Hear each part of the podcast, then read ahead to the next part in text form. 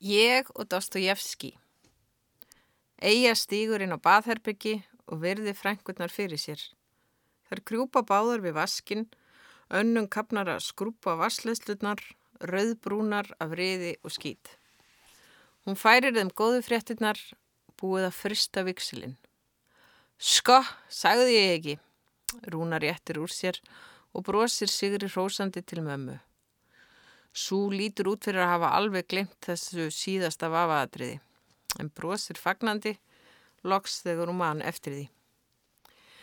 Það er allt hægt, bara viljinni fyrir hendi, segir Rúna og hún ætti nú að vita það, manneska sem sett í kvennafangelsi í Ameríku, tekin í misgripum fyrir eiginkonu einhvers bjevítans hels einsjálfsnáunga að þannum árið þegar hún skellti sér að sjá herrlega hitin. Dvölinn dróst vonu viti við þessa hróðalegu uppakomi en hún var ekki eilíf því ef einhver kann að bjarga sér þá er það hún, R. Sigurgrímsdóttir from the head of Iceland. Og hvað, slefa mamma forvitni og stendur upp til þess eins að sittjast á klósettsittuna með hálftónt glasið. Og bara það, þarna sem ég var þarna í sakleysi mínu að grilla nautakjött, þá mæta áttavilt löggu fýblinn. Hells Angelsliði var sko í næsta sumabústað, en það þýtti ekkert að segja þeim það. Varstu líka í sumarhúsi þar? spyr Eija og reynir að dilja óttan því bimban er skindilega komin þétt upp að henni og gaggar af hlátri þegar hún heyri spurninguna. Sumarhúsin í Ameríku eru allt önnur ellen í Svíþjóð, fullir þið rúna og virðist trúa sjálfur í sér þegar hún segir að í sænska sumabústaðalandinu verði engir vítisenglar, í mestalagi skóabinnir. Egir ennur kallt vatn millir skins og hörunds. Er það fyrirbóði að bæði skíðadrottningin og sparisíðastjórin söngla eitthvað um skóabinni nánast á einni og sömu mínútinni. Varla þá var í lífið orðið einum og mikil skáltsaga, jafnvel fyrir hennar smekk. Skriftinnar hafa vissulega áhrif á veruleikan. Henni tókst að skrifa pistil sem fristi viksil í banka út í búi úti á landi. Hvenar tekst henni næst að skrifa göldrótt orð? Það tókst í fyrsta skipti, ekki það næsta. Hún sáða á andliti menningarítstjórans sem sagði það þó ekki berum orðum, heldur spurði hvort hún geti framvegi skrifa meira í anda fyrsta pistilsins. En amma gæti ekki setið á sér frekar en fyrir daginn. Henni fannst hún hafa svikið ömmu sem stóð alltaf með henni þegar aðri litu undan. Amma hafði rósað eigu þó aðri flissuðu daginn sem hún fekk fyrstu greinina sína byrta. Það var tveim árum áður í málgagnu fólks með flóaveiki. Greinin hétt Dostojevski og ég. Eða gatverðu hún hefði heitið Ég og Dostojevski. Í bókaskapni hjá ömmu hafði hún fundið snjáða bók um æfi og ástir Dostojevskis og uppgötað að Dostojevski var ekki bara skáld, heldur líka flógaveikur eins og hún sjálf. Loksins ekkert viti að vera frík. Eija var svo hamingisum yfir flógaveiki skáldsins að hún lind ekki látum fyrir en pistillum þetta allt saman byrtist í málgagni flógaveikara og amma bakaði lumur í tilefnin dagsins. Yfir þessi hamingisum að dótturdótturinn væri farin að horfast í augu við flógaveikina því hún hafði ekki síður áhyggjur af dóttu sinni sem vestlaðist upp í hvert skipti sem barni vaknaði á bráðavaktinni með storknaða fróðu í munveikonum og blóðugan hárflóka eftir að hafa skollið á hausin út af miðri götu eða flóið í loftkostum niður stega. Í hvert skipti sem mamma fekk símtal frá bróðamóttökunni mist hún matalistina í þrjá daga og svaf ekkert næstu þrjár nætur. Með þessu áframhaldi fengi hún sjálf krampa ofan í skilnað og skuldir og eigi varð að gjöra svo vel að skilja það þó að henni þætti betra að sofa út undir notalegri sænga á bráðadeildinni en mæta í vinnuna. Amma svaf sjálf ekki fyrir áhyggjum. Skiljanlega ljómað hún þegar eigi að skellti bæklingnum á borðið. Svo heimi lifandi að barni fekk að reykja í friði næstu vikurnar. Kanski hefði nátt að segja eitthvað við eigu þá. Ef hún hefði byggðan um að reykja minna þarna þessa daga fyrir tveimur árum þá kannski, mögulega, hefur hlutinir atvökast öðruvísi. Hún hefði hægt að reykja og gert eitthvað að viti við tíman sem fór í að sjúa síkaretuna. Allt annað en að giftast þessu manni. Auðvitað marg borga sig alltaf að segja það sem segja þarf. Mikið er þetta leiðileg skrifjáður, andvarpaði amma þegar næsti pistil byrtist á menningasíðu dagbladsins. Hún hafði opnað blaðið við sandköku og kaffisúpa og horfið nú hlutlus á eigu sem sveldist á kaffinu.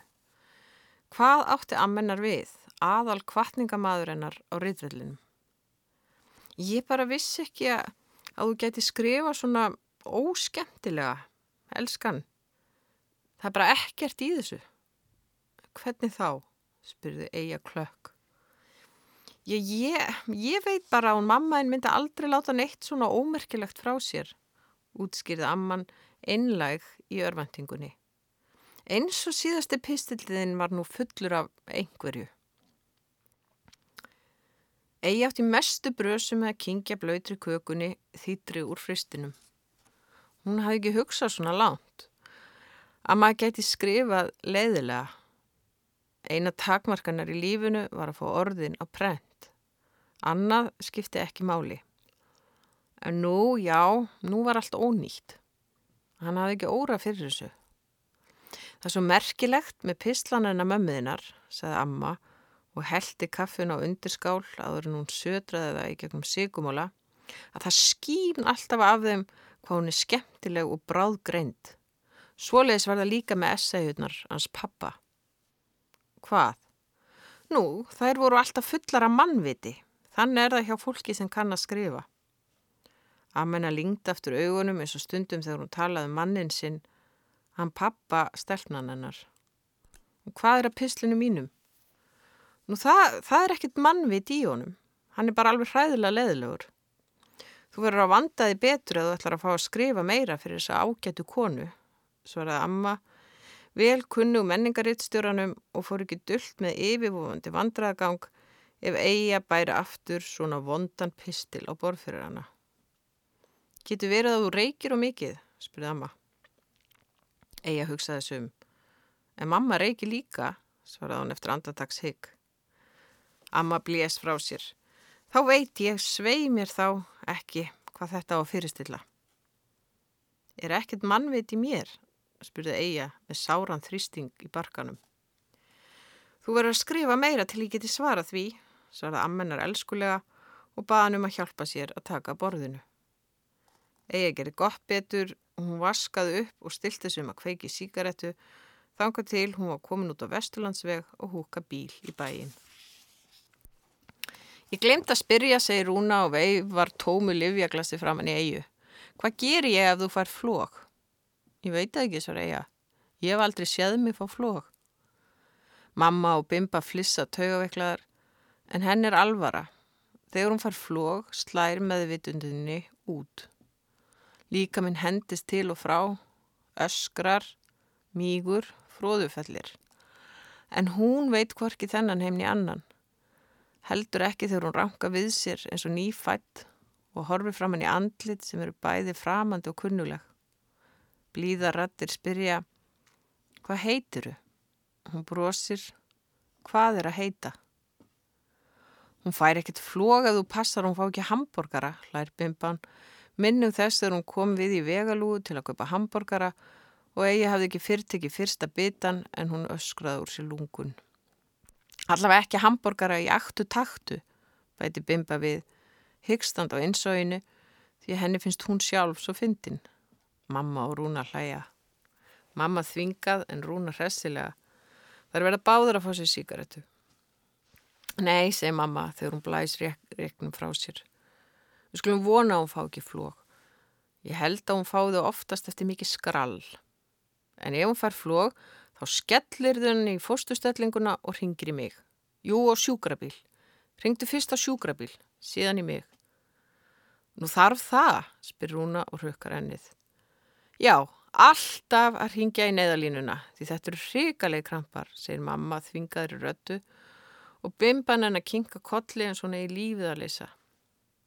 Hvað gerir kallin þegar hún fær flóg?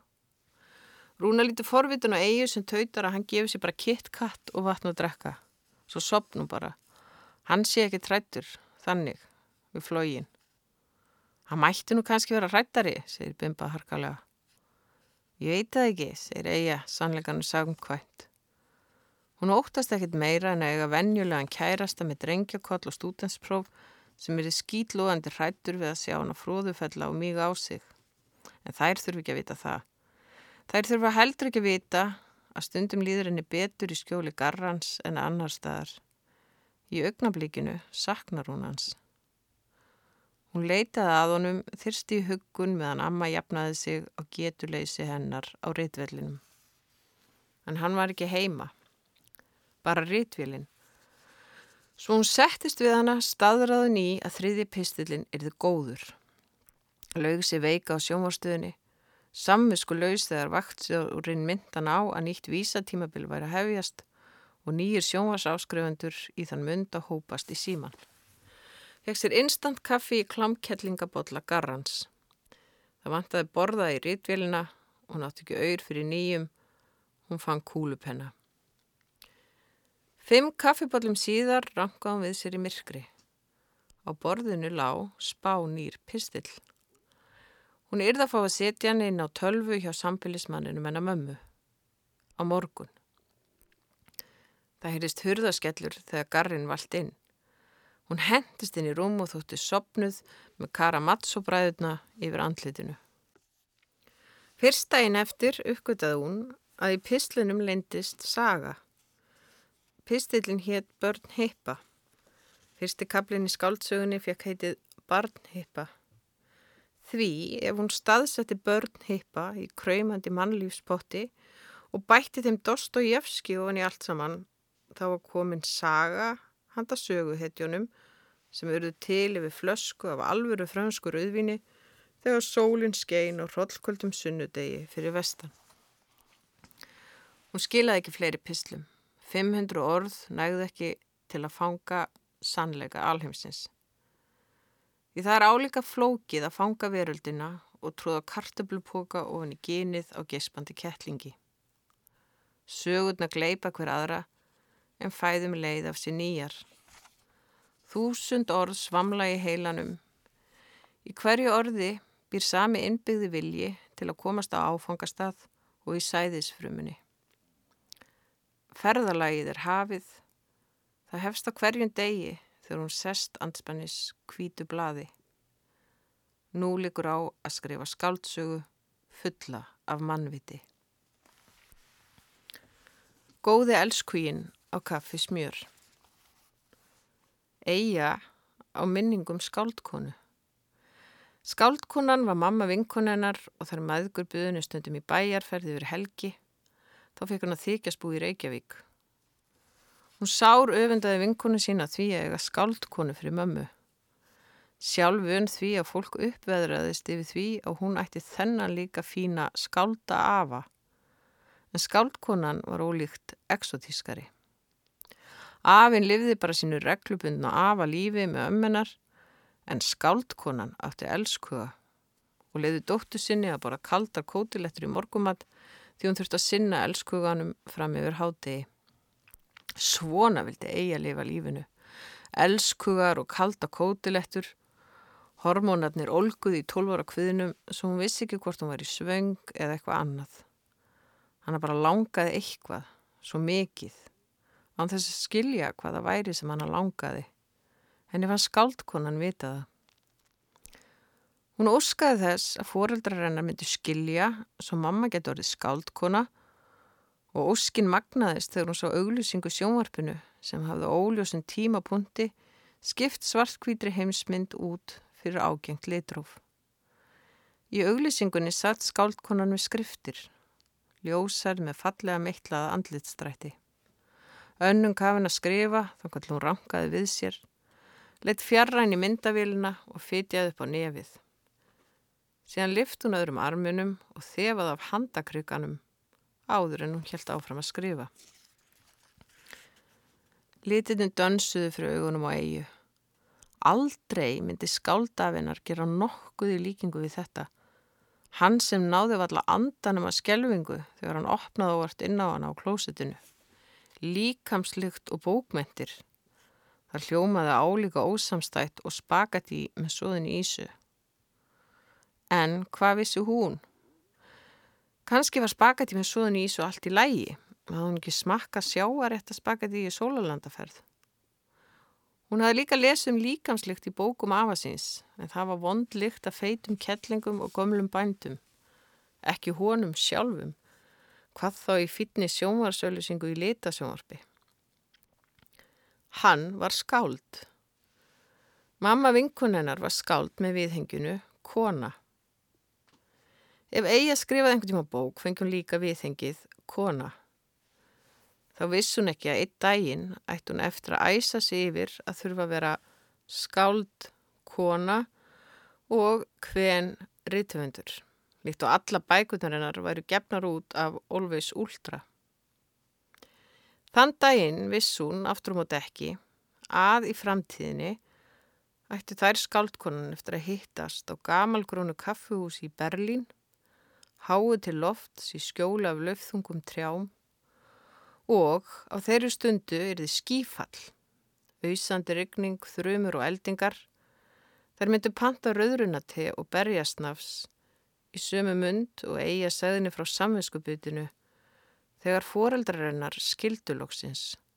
Svo hún ásakaði sjálfa sig fyrir að hafa skálda sögu þeirra fram í tíman til þess eins að fá kaldar kótilettur í morgumatt. Í framtíðinni nýtur hún þess að finna snafsinn brenna hálsin og heyra léttan hlátur skáldkonunar sem er nýbúin að segja eigu að hún eigi heima þar sem hún finni pennan sinn og mannin sinn. Nú séu bæði maðurinn og pennin í Berlín og það er þá sem eiga mann eftir öll þessi ár að hún hefur alltaf þráð að vera skáldkona. Orðin í eilíðinu Hún er laungu orðin skaldkona þegar það fyrir að leita á hana hvað fælst í því að skrifa. Skriftir, hugsaður hún, opna dittnar að heimili kattakonunar sem syngur óperur með breyma köttum svo úrverður himneskur söngur. Engskonar frummynd, þessi tilfinning, sans, sem skreppur úr hendi eins og kvikasilfur en kjarnast í munni mömmu. Þegar mamma segir frá smávægilegum atvikum skýtur hún inn einstaka orði hér og þar svo öll sagan fær snarpara bragð. Þegar eiga hefur sögu eftir mömmu þá segir hún síðan fóru kettlingarnar með badnið í kirkuna niðri við tjötn.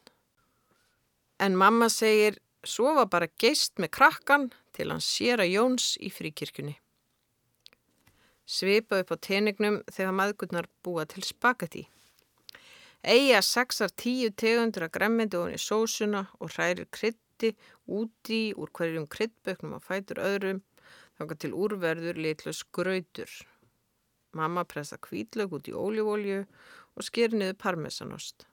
Svo setur hún pipar og salt á borðið rauðköplóttan dúk ef hún á hann til hreinan. Smáadriðin, segja söguna. En mamma kæri sér ekki með að skrifa, nema þegar einhver deyr. Þá týnur hún saman orð af sömu blíðu lagni og hún notaði til að sefa grátandi börn og geltandi hunda. Orðin rugga í ró. Í framtíðinni ringir ennsk reittstýra á skrifstofu í London. Sú reittstýrir alþjóðlegu úratímariti sem veltir heiminháum upphæðum gefið út á sjö tungumálum þar á meðal kínversku. Hún spyr um eigu með föðunafni. Yfirstjættarheimurinn drýpur á hverju orði sem berst frá breska konungsvöldinu í litlu íbúðina í vestubænum þar sem eiga stendur yfir óhrunna leirtaunu og fylgis með bröndóttum ketti fylgjast með snjótillingi í gardi við Bárjárshús handan götunar. Rítstýruna vantar 800 orðum íslenska hestin, fyrir þau býður hún herri greiðslu en sem nefnum ánæðalegum starfslaunum úr launasjóði rítöfunda. Egi að þykku bóðið heimi lifandi þegar fugglinn flögrar undan kettinum. Þanga til hún sestu tölvun og mann að hún hefur ekki hugsað um íslenska hestin síðan hann hendina baki í öðru lífi. Trilltur við að heyra bergmálið af eigin hófadinn á gömlu brunni í dalnum. Ný fluttur þangað úr húnavassíslunni þegar akka og hestafinkonennar mættu meðan til reyðar og plötuð hann á bak. Fátt annað að gera en ringi mömmu því hún átti einu sinni hest. Hún segir, segðu frá vatnahestunum. Hvað vatnahestum, spyr eiga áfjáð og mammina segir henni frá þeim. Því hún er full af sögum sem hafa aldrei verið sagðar og dótturinn má hafa sér alla við að fiska sögurnar upp úr henni og hripa niður á blað því ekki skrifar hún þar sjálf. Eija skrifar Vatnahestar og bara allir hestar, segir mamma, eru svo viðkvæmir í lund að það er mannvonska að skjóta upp flugeldum upp í sveit á gamláskvöld. Það var fóli sem rapaði niður dettifoss, ströymharðasta og ríkalegasta foss á Íslandi. Í trássi við öll lögumál lendi hann óbrotinn og það þurfti annaðins kraftaverk til að menn getur bjargaðunum. En eftir það vildi fólinn ekki býta græs. Mændi bara sturdlaður framfyrir sig svo það þurfti að fellan. Röddmömmu heldur áfram að seittla inn í eirun, djúb og meir. Hestar eru svo næm dýr að það er sama hvar maður er stattur og í hvaða veðri. Hesturinn ratar alltaf með mann heim en vatnahestarnir á höfni hotnafyrði voru einstakir.